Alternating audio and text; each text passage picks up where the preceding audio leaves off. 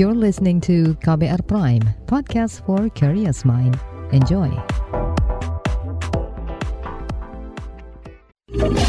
Kamu lagi dengerin What's Trending KBR Pagi.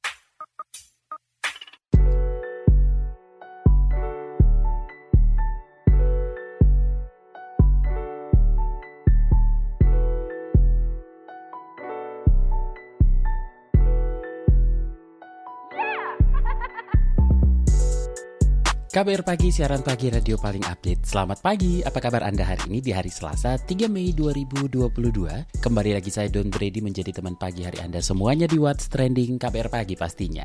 Kumpul bareng keluarga menjadi salah satu esensi perayaan lebaran. Apalagi momen kebersamaan tahun ini menjadi spesial setelah dua tahun sebelumnya harus menahan diri dan membatasi perjumpaan karena COVID-19.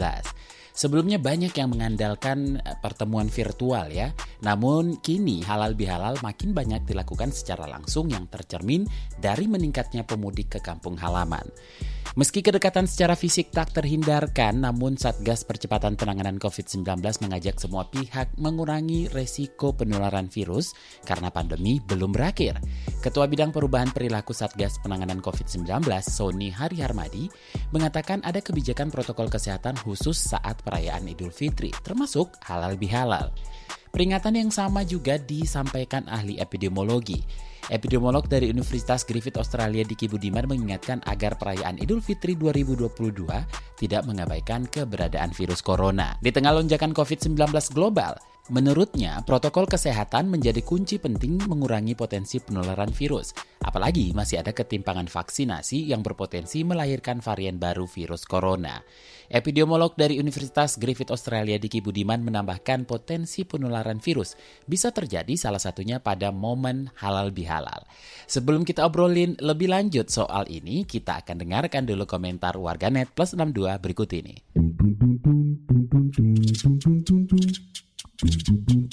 Kita ke komentar at underscore iuxx. Males kumpul pas lebaran, bosen ditanya kapan nikah, kapan nikah. As if the world is gonna end if I don't marry someone.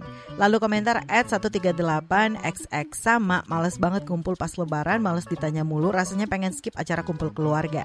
Lanjut at jailxx underscore. Lebih males kalau lebaran kumpul sama keluarga dari ayah alias nggak deket sama sekali dan pasti ntar ditanya yang aneh-aneh. At dan xx, apalagi Apalagi kalau udah nambah umur. Pertanyaan semacam itu jadi kayak sekilas info, didengerin terus lupa. Saya suka banget kumpul keluarga kalau lebaran yang santai meskipun tahu akan ditanya macam-macam. Dijawab semutnya aja nggak perlu ngegas, males jawab ya bilang permisi atau go strike WC dulu aja. Lalu komentar at DVXX di umur sekarang udah nggak butuh lagi nih baju lebaran. Butuhnya mental yang kuat karena bakal dapat pertanyaan horor saat kumpul keluarga besar. Lanjut at Halo XX. Alhamdulillah gua mah ditanya, kok lu gendutan gak usah nunggu lebaran. Soalnya tiap minggu kumpul keluarga mental udah tangguh. Dan terakhir at underscore she loves XX. Biasanya kalau lebaran kumpul keluarga besar bakal ditanya mana pacarnya, kapan nikah, kapan ini, kapan itu. Sekarang emang belum ada cowok sih kalau ntar tiba-tiba ada yang datang ke rumah, langsung deh pada rame.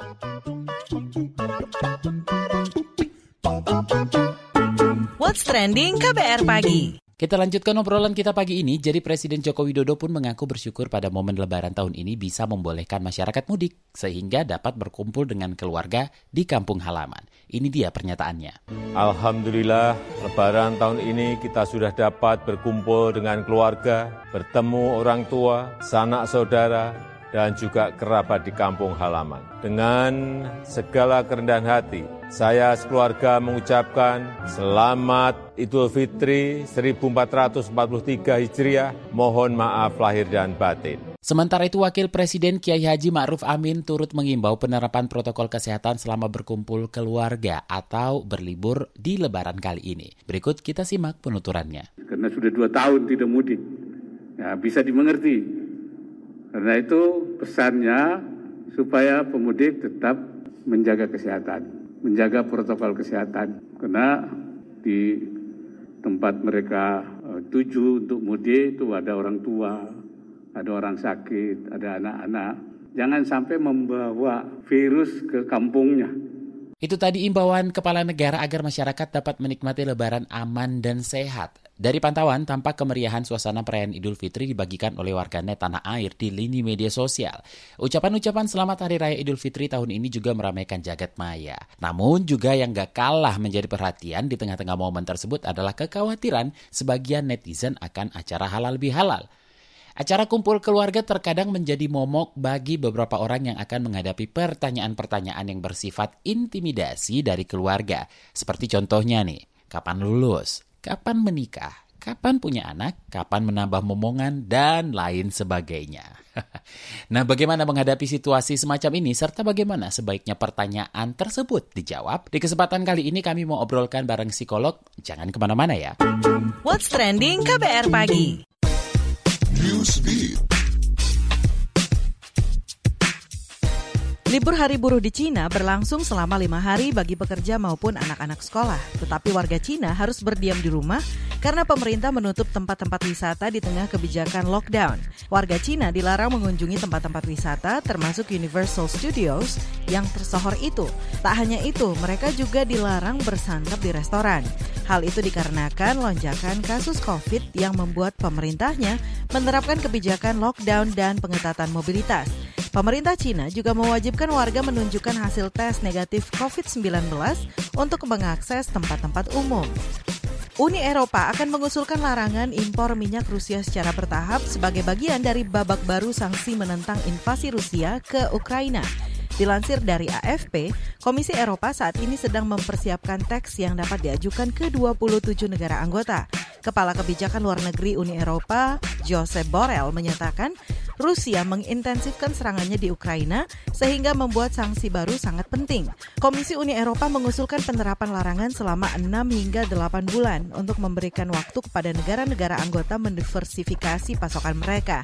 Larangan itu membutuhkan dukungan bulat dan masih bisa digagalkan dengan Hongaria diperkirakan akan meningkatkan oposisi yang kuat karena bergantung pada minyak Rusia dan dekat dengan Kremlin. Twitter berencana mengenakan tarif untuk mengutip sebuah kicauan yang viral di platformnya. Selain itu, miliarder Elon Musk juga berencana memangkas gaji para dewan direksi dari Twitter. Langkah itu dilakukan untuk menarik bank-bank mendanai pembelian saham Twitter sebesar 44 miliar US dollar atau lebih dari 600-an triliun rupiah. Elon diketahui tengah mengembangkan fitur yang dapat meningkatkan pendapatan platform media sosial tersebut. Meski begitu, Elon sempat berkicau ingin mengurangi ketergantungan Twitter terhadap iklan. What's Trending KBR Pagi. Masih bersama saya Don Brady, kita lanjutkan obrolan kita pagi ini. Jadi seperti apa menghadapi pertanyaan-pertanyaan yang sifatnya intimidasi dari saat acara kumpul-kumpul keluarga?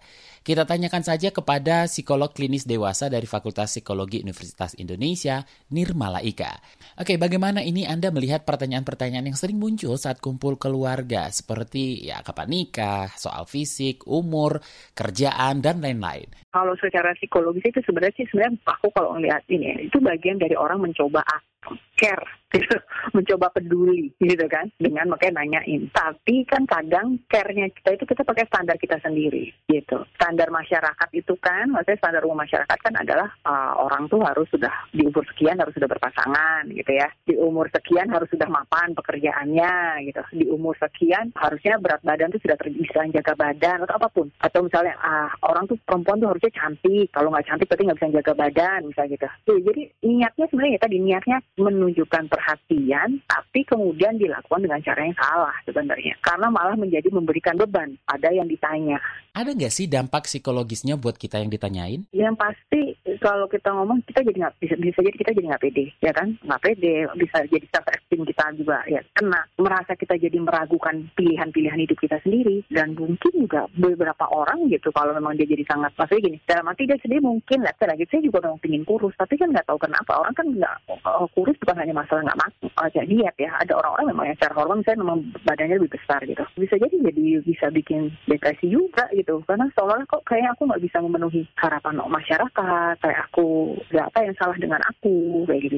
Mengganggu ini sih bisa mengganggu emosi kita dan mengganggu kesehatan mental juga pastinya. Bentuknya bisa bermacam-macam tadi yang aku bilang kayak tadi. Gimana kita seharusnya menyikapi hal ini? Ada tipsnya nggak? Yang pertama sebenarnya kita perlu tahu dulu kita sendiri maunya apa. Let's say kalau memang kita mikir oh saya memang mau fokusnya di karir pasangan tuh nanti. Ya udah, berarti ketika ada yang nanya gitu, kok, kok belum kok nggak apa pacarnya jadi ini, kita bisa jelasin. Tapi kalaupun kita nggak mau jelasin, ya apa-apa juga misalnya gitu, eh percuma uh, mereka dijelasin juga itu ya nggak usah dijawab aja. Tapi yang penting kita sendiri tahu kita tuh maunya apa. Bahwa sampai sekarang kita belum berpasangan misalnya gitu ya, ya karena memang saya mau fokus ke karir saya gitu. Atau misalnya kayak tadi, memang saya tahu memang berat badan saya, saya tahu tipe badan saya, badan saya memang cenderung besar. Tapi saya saya tahu saya sehat, saya rajin olahraga saya itu misalnya gitu. Jadi yang penting kita tahu dulu diri kita maunya apa. Sehingga ketika orang lainnya nanya itu itu tidak jadi kita tidak merasanya sebagai ancaman gitu tidak sebagai sesuatu yang annoyed karena terserah lu mau ngomong apa kasarnya gitu ya. Aku tahu yang aku mau. Jadi mau kita jawab mau enggak itu nanti balik lagi pilihan ke kita. Kita lihat kan, kita tahu tipe orang yang nanya itu kayak apa. Kalau dia aku jelasin paham nggak? Atau dia bisa kita kau jelasin tuh dia malah anggapnya itu kan alasanmu aja. Berarti kan percuma juga jelasin sama orang kayak gitu. Ya usah dijelasin kayak gitu. Tapi ada orang yang memang mungkin nggak paham dan dia perlu dijelasin. Dan kalau kita jelasin dia jadi paham dan besok-besok nggak nanya lagi. Itu ya juga kita nggak apa-apa bisa jelasin. Kalau seseorang sudah di tahap nggak mau lagi kumpul keluarga atau ketemu orang lain, apa yang bisa dilakukan orang-orang terdekatnya? Kesadaran apa yang harus dibangun? mulai deh lebih tanya. Instead of nanya kapan kamu kok kamu nggak punya pacar jadi nanya eh kamu kamu pengennya apa? Cita-citamu apa? Misalnya atau atau eh rencanamu ke depan apa? Atau sekedar ya udah nggak usah nanya nanya aja yang lain. Gitu maksudnya nanya yang lain tuh dalam artian gimana kabarmu? Itu kan netral gitu ya. Gitu sesuatu sesuatu yang bukan menyecar atau bukan kayak mempertanyakan pilihan hidup kita lebih bisa gitu sih dan kalau memang akhirnya gitu kayak ada keluarga kita udah nggak mau ketemu gitu-gitu ya instead of kita gunjingin gitu ngomong dia sekarang kan nggak mau kumpul keluarga atau apa gitu. Malah bagus kalau ada yang memang mau reach out ya tanya, eh kemarin nggak lebaran kenapa nggak dateng? Gimana kabarmu sekarang? Itu ternyata sesuatu yang itu, sesuatu yang kayak menunjukkan memang kita peduli sama dia gitu gitu. Nggak, bukan yang usil ya, maksudnya itu kan jadi kayak usil gitu kan, nanya sesuatu yang kita pakai asumsi gitu kan. Ya tadi orang seusia segini harusnya udah berpasangan, orang seusia gini harusnya udah badannya udah bagus yang gitu. Enggak, kita tapi nanya kayak kabar kamu gimana? Kerjaan kamu gimana misalnya gitu. Atau misalnya atau, atau mungkin kalau kerjaan juga sensitif kita nggak mau kegiatanmu apa sekarang misalnya gitu gitu pinter juga membaca situasi. Kalau kayak yang dia ngomong gak nyaman, ya udah mau usah dikejar. Terima kasih psikolog klinis dewasa dari Fakultas Psikologi Universitas Indonesia, Nirmala Ika. What's trending KBR pagi? Kami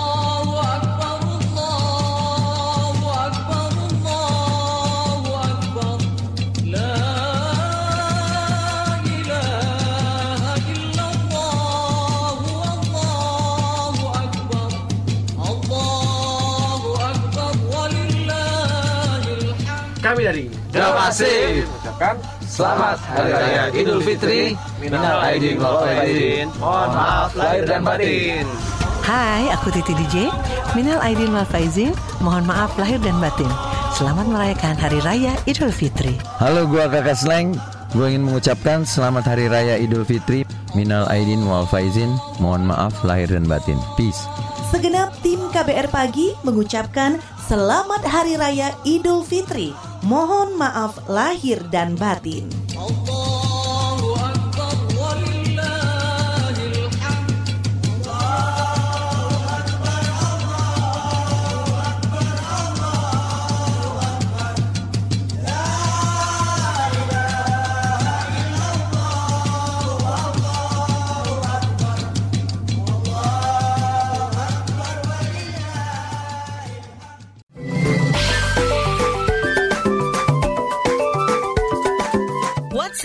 Indonesia. WhatsApp Indonesia dimulai dari Jakarta. Komisi Pemberantasan Korupsi KPK memberlakukan layanan kunjungan tahanan secara daring saat perayaan Idul Fitri tahun ini. Juru bicara KPK Ali Fikri menyatakan layanan itu bertujuan untuk memberi kesempatan bagi keluarga tahanan KPK menjaga silaturahmi pada lebaran ini. Kebijakan tersebut mengacu pada surat edaran Direktorat Jenderal Pemasyarakatan Kemenkumham tahun 2020 tentang langkah progresif penanggulangan penyebaran virus COVID-19. Kata dia, pihaknya memfasilitasi kunjungan secara online lewat aplikasi video call pada 1 dan 2 Syawal dimulai pada pukul 9 hingga 12 waktu Indonesia Barat. Ali Fikri juga menambahkan penerimaan titipan makanan bagi tahanan lewat kotak makanan dimulai dari pukul 8 hingga 11 waktu Indonesia Barat. Kata Ali, pada hari pertama Idul Fitri, pihak rutan juga memberikan fasilitas makan bersama sesama tahanan dengan tetap memperhatikan protokol kesehatan. Masih dari Jakarta, rekayasa lalu lintas dengan sistem satu arah atau one way akan kembali diterapkan pada arus balik lebaran. Menteri Perhubungan Budi Karya Sumadi menyatakan sistem one way akan berlangsung tiga hari yakni 6 hingga 8 Mei mendatang. dari Kali Kangkung sampai kilometer 70. Menteri Perhubungan Budi Karya Sumadi mengklaim kembali diterapkannya sistem ini lantaran hasil evaluasi menyebut tidak ada kendala ketika one way diterapkan selama mudik lebaran. Selama arus balik lebaran nanti, selain menerapkan sistem one way, truk selain pengangkut sembako dan bahan bakar juga kembali dilarang melintas. Namun demikian, Budi menyebut perlu pengaturan sistem rekayasa lalu lintas yang lebih baik untuk mengurai kemacetan. Ia memprediksi kepadatan pemudik akan kembali terjadi, utamanya di jalur darat dan pengguna jalur laut di pelabuhan. Terakhir kita mampir ke Jawa Tengah. Gubernur Jawa Tengah Ganjar Pranowo melarang kegiatan penerbangan balon udara pada tradisi Syawalan wilayah Jawa Tengah. Ganjar meminta masyarakat jika ingin tetap melakukan tradisi penerbangan balon udara, maka balon udara harus dalam kondisi terikat atau ditambatkan di darat. Menurut Ganjar, penerbangan balon udara secara bebas dikhawatirkan akan membahayakan, khususnya bagi pesawat terbang. Selain itu, Ganjar juga mengimbau agar balon udara diikat maksimal dengan ketinggian tertentu dan digelar festival balon untuk mengantisipasi penerbangan balon udara liar. Ganjar berharap agar masyarakat mematuhi imbauan yang diberikan serta berkaca dari tahun-tahun sebelumnya dari sejumlah kejadian balon udara yang terbang dan meledak. Tradisi penerbangan balon udara dilakukan di sejumlah daerah di Jawa Tengah seperti Pekalongan, Banjarnegara, Wonosobo, dan Pemalang. Tradisi digelar setiap Idul Fitri atau di bulan Syawal. Demikian WhatsApp Indonesia hari ini. Demikian kabar pagi hari ini. Jika Anda tertinggal siaran ini, Anda kembali bisa menyimaknya di podcast What's Trending yang ada di Spotify, kbrprime.id, dan di aplikasi mendengarkan podcast lainnya. Don Brady undur diri, besok kita ketemu lagi. Stay safe, bye-bye. Terima kasih ya sudah dengerin What's Trending KBR Pagi. KBR Prime, cara asik mendengar berita. KBR Prime, podcast for curious mind.